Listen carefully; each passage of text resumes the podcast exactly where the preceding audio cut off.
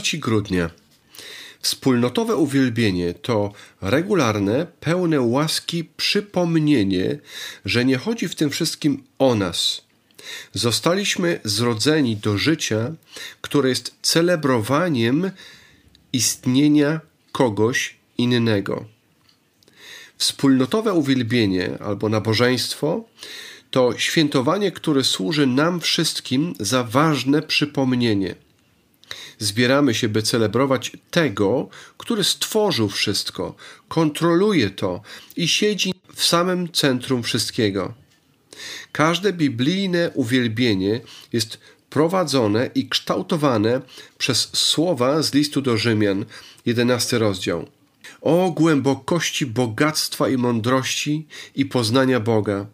Jakże niezbadane są wyroki Jego i niewyśledzone drogi Jego. Bo któż poznał myśl Pana, albo któż był doradcą Jego, albo któż wpierw dał mu coś, aby za to otrzymać odpłatę? albowiem z Niego i przez Niego i ku Niemu jest wszystko. Jemu niech będzie chwała na wieki. Amen. Ostatni werset wyjaśnia wszystko. Jest to nie tylko przepis na każde nabożeństwo uwielbienia, jak to po angielsku jest, na każde nabożeństwo, lecz także wyraźne określenie, o co w ogóle chodzi w życiu. Nie o nas, nie o nasze potrzeby, zachcianki, uczucia. Nie chodzi o nasz komfort, o przyjemność, ani o to, żeby było łatwo. Nie chodzi o to, byśmy zrealizowali swoją osobistą definicję szczęścia. Nie chodzi o satysfakcję czy zadowolenie. Nie o to, ile naszych marzeń uda nam się spełnić.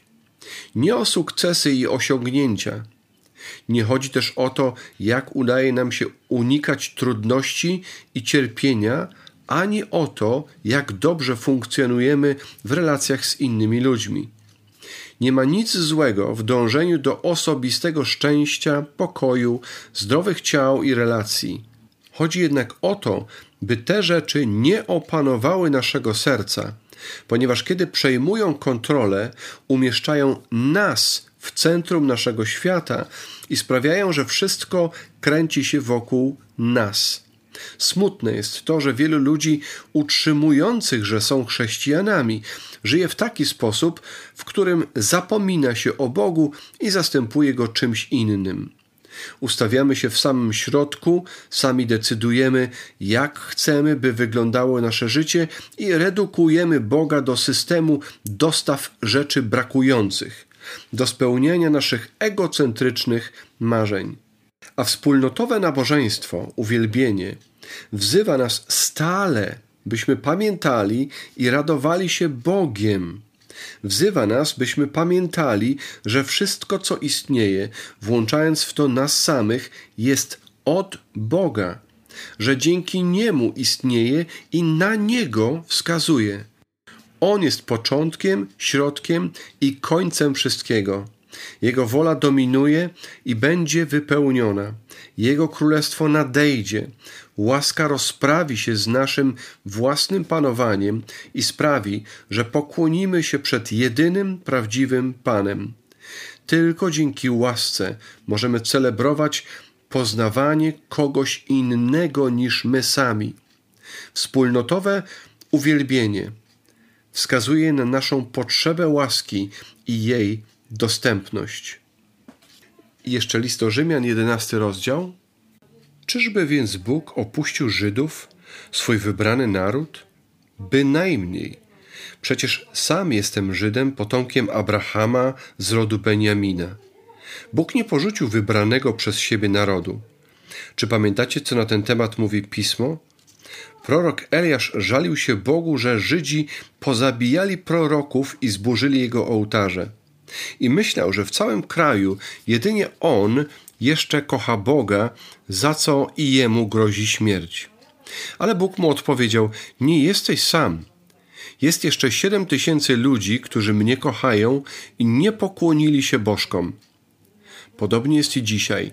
Nie wszyscy Żydzi odwrócili się od Boga. Jest garstka wybranych przez Boga, która dzięki Jego dobroci i łaskawości dostąpi zbawienia.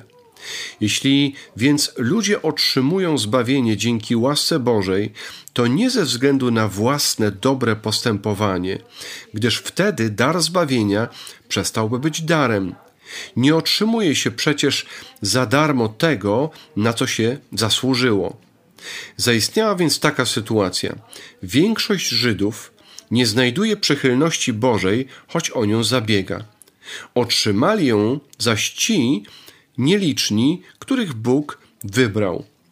Oczy innych zostały zaślepione jednak, zgodnie ze słowami pisma, że Bóg sprowadził na nich otępienie, zamknąwszy im oczy i uszy, aby nie pojęli tego, co im mówimy o Chrystusie.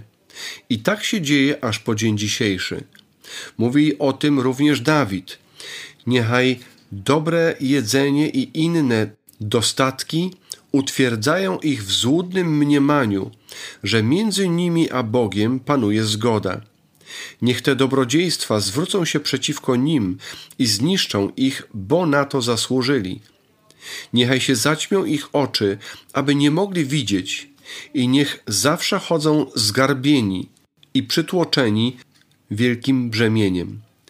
Czy to znaczy, że Bóg na zawsze odrzucił Żydów, swój naród? Oczywiście, że nie. Postanowił jednak udostępnić zbawienie również poganom, aby kiedyś Żydzi pozazdrościli im i zapragnęli Bożego zbawienia. Pomyślcie, jeśli upadek Żydów i odrzucenie przez nich Bożego zbawienia przyniosło korzyść całemu światu, to jak wielkie błogosławieństwo przyjdzie wraz z ich nawróceniem się do Chrystusa? Jak wiecie, Bóg wysłał mnie, apostoła, specjalnie do was, pogan. Przy każdej okazji przypominam to Żydom w nadziei, że wzbudzę w nich pragnienie posiadania tego, co wy macie. Być może w ten sposób przynajmniej niektórych z nich uratuje. Bóg odwracając się od nich, tym samym zwrócił się do reszty świata, jemu ofiarując zbawienie. A kiedy i Żydzi przyjdą do Chrystusa, będzie tak wspaniale, jak gdyby umarli, wrócili do życia. Skoro bowiem Abraham i prorocy są ludźmi bożymi, będą nimi również ich dzieci. Bo jeśli święte są korzenie drzewa, to i gałęzie będą święte. Ale niektóre gałązki z drzew Abrahama, niektórzy Żydzi, zostały odłamane. Wy zaś poganie, jesteście dzikimi gałązkami wszczepionymi w szlachetną oliwkę. W ten sposób, czerpiąc z obfitego pokarmu Bożego oliwnego drzewa, teraz i wy korzystacie z błogosławieństwa obiecanego Abrahamowi i jego dzieciom. Zajęliście miejsce odłamanych gałązek.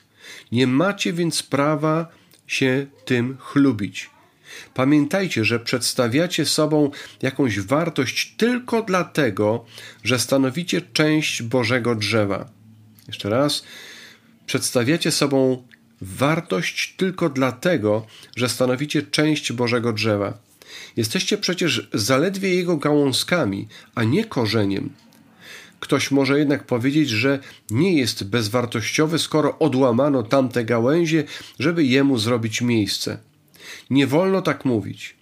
Nie zapominajcie, że poprzednie gałązki, czyli Żydzi, zostali odrzuceni dlatego, że nie wierzyli oni Bogu, a was włączono tylko dlatego, że wierzycie. Nie pysznijcie się, ale pokorni i wdzięczni żyjcie w bojaźni Bożej. Jeśli bowiem Pan nie oszczędził gałązek, które zawsze tam rosły, to i was nie oszczędzi. Wspólnotowe uwielbienie to regularne, pełne łaski przypomnienie, że nie chodzi w tym wszystkim o nas. Zostaliśmy zrodzeni do życia, które jest celebrowaniem istnienia kogoś innego. Pozdrawiam.